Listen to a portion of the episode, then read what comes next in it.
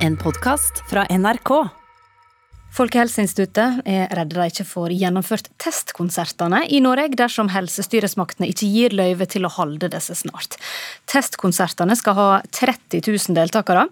Halvparten av testgruppa går på konsert, med den andre halvparten lever som normalt, som nå betyr å ikke gå på konsert. Planen er å gjennomføre det her i juni, og nå haster det. Hvis jeg skulle fått velge fra øverste hylle, så sikkert eh, Bruno Mars eller Katy Perry eller en av de store. Come on!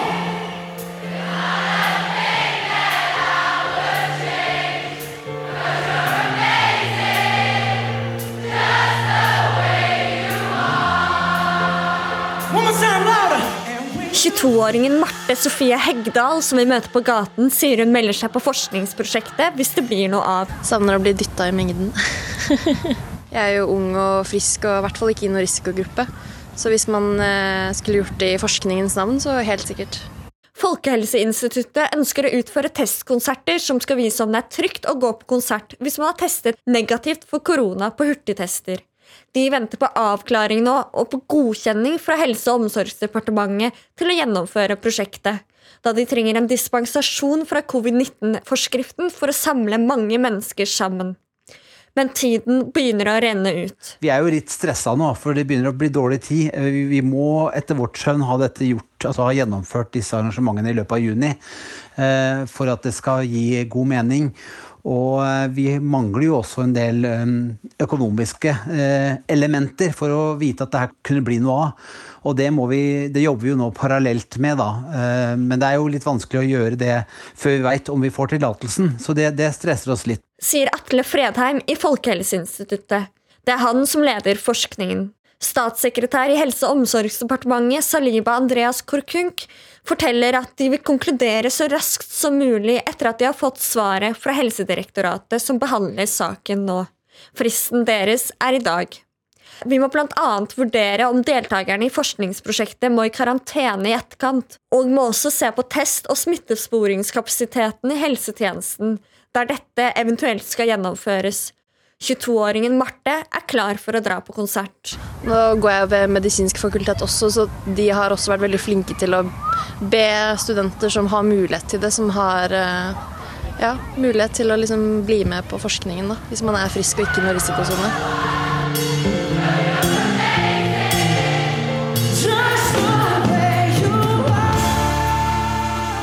Reportere her var Aida Korami og Heather Ørbekk Eliassen. Tone Østerdal fra Norske konsertarrangører. Er dere klare hvis, hvis dere, dere, får et ja til å bli med på dette prosjektet? Vi skal i hvert fall bli det. Eh, vi er en liten dugnadsgjeng nå som jobber for å være forberedt til å rigge kulturdelen av dette prosjektet eh, hvis eh, tomlene kommer opp fra regjeringen.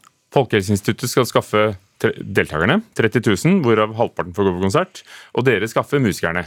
Ja, vi er nødt til å rigge disse konsertene da, eh, og få det til å skje. Og det er jo ikke en liten oppgave på så kort tid vi har nå, men eh, det er bransjen eh, veldig innstilt på. Det skal vi klare. Så hvem får de høre da, hvis det blir noe? Nei, Det er noen artister som har rukket opp hånden her, og som gjerne vil bidra, men det er for tidlig å si. Vi, men de må være norske, selvfølgelig? De må være norske. Det er litt vanskelig å hente artister fra utlandet nå om dagen, rett og slett. Hvis dere får det til, altså hvis dere får ja og Folkehelseinstituttet får ja, hvordan skal det foregå? Skal det være vanlige konserter, skal det være stor avstand, skal det være spritdusj? Hele poenget er jo å teste noe så normalt konsertopplevelsen som, som, vanlig, sånn som vi husker den fra før mars 2020. Eh, nettopp for å se hvor risikabelt det faktisk er å samle så mennesker i en pandemisituasjon. Så er jo det hele forsøket går ut på å finne ut av. Dette har jo vært gjort i andre land. Hva vet du om de forsøkene som har vært gjennomført? I all hovedsak så har det vært veldig gode resultater. Eh, det har vært få om noen smittede, eller at man har har færre smittede etter arrangementene enn det har vært i befolkningen for øvrig. Men det norske helsemyndigheter har vært opptatt av, er at noen av de undersøkelsene ikke er grundige nok. Eh, og det er jo grunnen til at vi nå jobber for å få dette til på også teste på norske forhold. Er det nødvendig å teste dette? Nærmer vi oss ikke lyset i enden av tunnelen? Vi ser i hvert fall lyset, men eh, helsemyndighetene er veldig tydelige på at eh, det kommer til å ligge smittevernrestriksjoner på arrangementer som samler mange mennesker i veldig lang tid framover. Så målet her er jo å ja, vite om det faktisk er nødvendig å begrense så mye, eller om vi kan slippe opp mer tidligere. Det vil jo være avgjørende for både kultur, idrett og, og store deler av næringslivet. Og når det da bli sluppet opp litt mer tidligere? Kanskje en annen form, kanskje litt mindre. Kan det komme noe godt ut av dette? Kan det bli ja, kanskje mer intime konserter, eller?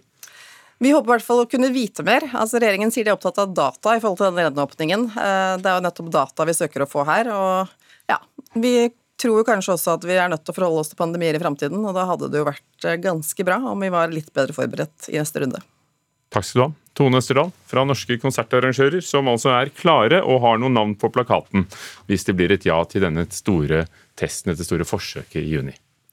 Og I Hollywood så krysser filmfolka nå fingrene for at publikum skal komme tilbake igjen til kinoene når samfunnet åpner igjen. USA og Storbritannia, altså to viktige marked for filmbransjen, er i ferd med å finne tilbake til normalen. Og Det gjør at filmstudioer tør å sende ut flere nye filmer.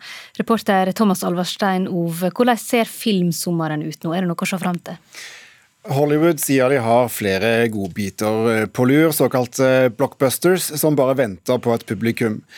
Mange filmer har blitt eh, holdt igjen og har fått utsatt eh, premieren fordi kinoer over store deler av verden har vært stengt. Nå kan det komme en ketsjup-effekt eh, der mye bra kommer på en gang. Og Nylig så var sjefene i alle de amerikanske filmstudioene samlet til seminar i Hollywood for å snakke sammen om hvordan de skal få folk tilbake til det store lerretet.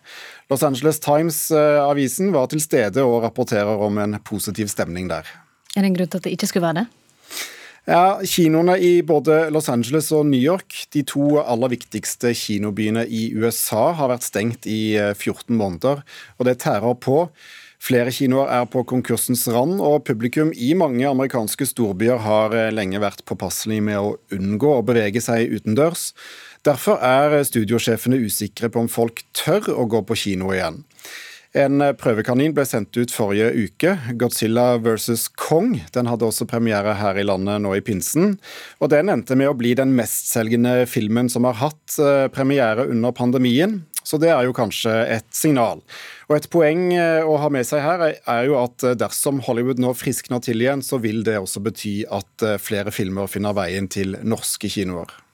Mange av oss har nå endra vane under pandemien, og vi ser gjerne mer på TV hjemme. Hva kan det bety? Det spørsmålet er det utvilsomt mange analytikere i filmbransjen som jobber på spreng med å finne ut av nå. Flere filmstudioer har latt storfilmer ha premiere på strømmetjenester i mangel av kinoer å sette dem opp på. Nevnte Godzilla vs. Kong hadde også parallell premiere på strømmetjenesten HBO Max, men i det tilfellet så ser det ut til å ha påvirket kinotallene lite. Så kanskje vil folk se film i stort eh, format igjen. Men flere studioer har likevel styrket satsingen på strømmetjenester eh, det siste året. Og hvorvidt det da gir grobunn for nye vaner, det gjenstår å se. Takk skal du ha, reporter Thomas Alverstein Ove. Det er på tide å se for seg lange, hvite sandstrender i måneskinn, damer i lyse kjoler og hardbarkede fiskere. Vi snakker om Skagens kyst og Skagen-malerne, som portretterte glade, vakre mennesker rundt langbord som hever sine glass. Skagen-malerne var jo denne kunstnerkolonien som blomstret i 1870- og 80-årene, og nå skal Lillehammer kunstmuseum, eller de gjør det allerede, vise den største utstillingen noensinne med verk av en av dem, nemlig Anna Anker. Mona Palle Bjerke, vår kunstkritiker her i NRK, la oss begynne der. Hvem var Anna Anker? Altså, Anna Anker er jo blitt stående som en av Danmarks mest folkekjære malere, så hun er jo på ingen måte glemt. Men hun har utelukkende vært sett på innenfor rammen av denne Skagenskolonien. Og Det er det som denne utstillingen vil gjøre noe med, ved å se Anna Anker mot et mye større bakteppe, nemlig som del av den gryende modernismen i Europa. Og Det er et veldig spennende kunstnerskap eh, vi snakker om. Altså Hun har disse motsetningene noe gammelt og noe nytt. Altså dels så jobber hun med det vi kan kalle en type urtradisjonelle kvinnemotiver. altså Den unge kvinnen som sitter og syr mens morgenlyset faller inn gjennom vinduet, eller mor og barn, eller den eldre kvinnen som sitter og hviler seg med teppet over bena. Kort sagt liksom den nære verden. Men formspråket hennes er altså alt annet enn eh, tilbakeskuende og tradisjonelt. Det er undersøkende, radikalt og nyskapende. Og hun lekte jo med det moderne flatemaleriet. Utforsket hvordan skyggene på veggen dannet rene abstrakte mønstre, f.eks. Og hvis du skulle jeg vet ikke om det har noe for seg, men, men la oss si at du skulle sammenlignet henne med de andre Skagen-malerne. Hvordan er Anne Anker da? Nei, jeg tenker jo at Hvis vi ser bort fra Christian Krogh og Eilif Petersen, som av og til regnes inn i denne kretsen, så er hun den aller mest interessante eh, og den utvilsomt mest nyskapende, altså den, den, eneste av dem som bærer i seg kimen til modernismen. Og Det er jo veldig spennende, fordi at i Det ankerske hjem så var det jo Michael Anker som hadde det store atelieret med besøksplass, holdt jeg på å si, mens hun hadde dette lille arbeidsrommet. Og Når vi ser på disse to i dag, så er det jo ingen tvil om hvem som er den største maleren. Altså Michael Anker er jo en dyktig maler som skildret virkeligheten eh, presist og realistisk, og kanskje en tanke idealisert, mens Anne Anker er jo den som er malerisk interessant, og som på en måte lar motivene bare være en omvei inn i undersøkelser av det maleriske mediet og maleriets eh, utfordringer og muligheter. Og når du sier undersøkelser, er det sånn at denne utstillingen da, på Lillehammer kunstmuseum som sier at de er en forskningsbasert utstilling, har de undersøkt det moderne hos Anna Anker? Det er nettopp det de har, og de vil aksentuere, understreke moderniteten hos henne, og det har de gjort ved å trekke inn samtidskunstneren Hanne Borchgrevink, som har fått lov å fargesette noen av veggene bak Anna Ankers malerier. Hun har da valgt å lage en liksom nesten funklende lilla vegg, som er som et maleri i seg selv, eh, og en skinnende gul. Og i, På denne skinnende gule veggen så ser vi et lite maleri av Anna Ankers egen datter som kommer løpende mot oss, og det sterke motlyset får eh, flettene hennes til å gløde. Og Her understrekes på en veldig virkningsfull måte vitaliteten og formstyrken, kraften i Anna Ankers prosjekt. Og også dette veldig nyskapende vi opplever hun er i kontakt med den europeiske, eller strømningene på, i Europa på den tiden. Det er jo litt av en um, utstilling på Lillehammer kunstmuseum uh, med, med Anna Anker Skagen-maleren. Er, er det verdt turen? Absolutt. Jeg stusser jo litt over at de i tittelen, altså Skagens indre og ytre rom, trekker inn Skagen, når hele siktemålet nettopp er å løsrive Anna Anker fra denne begrensende rammen. Men bortsett fra denne lille innvendingen, så er dette en helt fantastisk utstilling som jeg er sikker på at både fagfolk og vanlige besøkende vil glede seg over. Og jeg blir veldig overrasket hvis ikke dette blir en stor publikumssuksess. Det er vel noe med, med suset av navnet Skagen som de tror trekker. Takk skal du ha, Mona Palle Bjerke. Anmeldelsen din kan vi også lese og se bilder på nrk.no anmeldelser, og der finner vi alle anmeldelsene våre, all kritikk. Dette var altså om Anna Anker.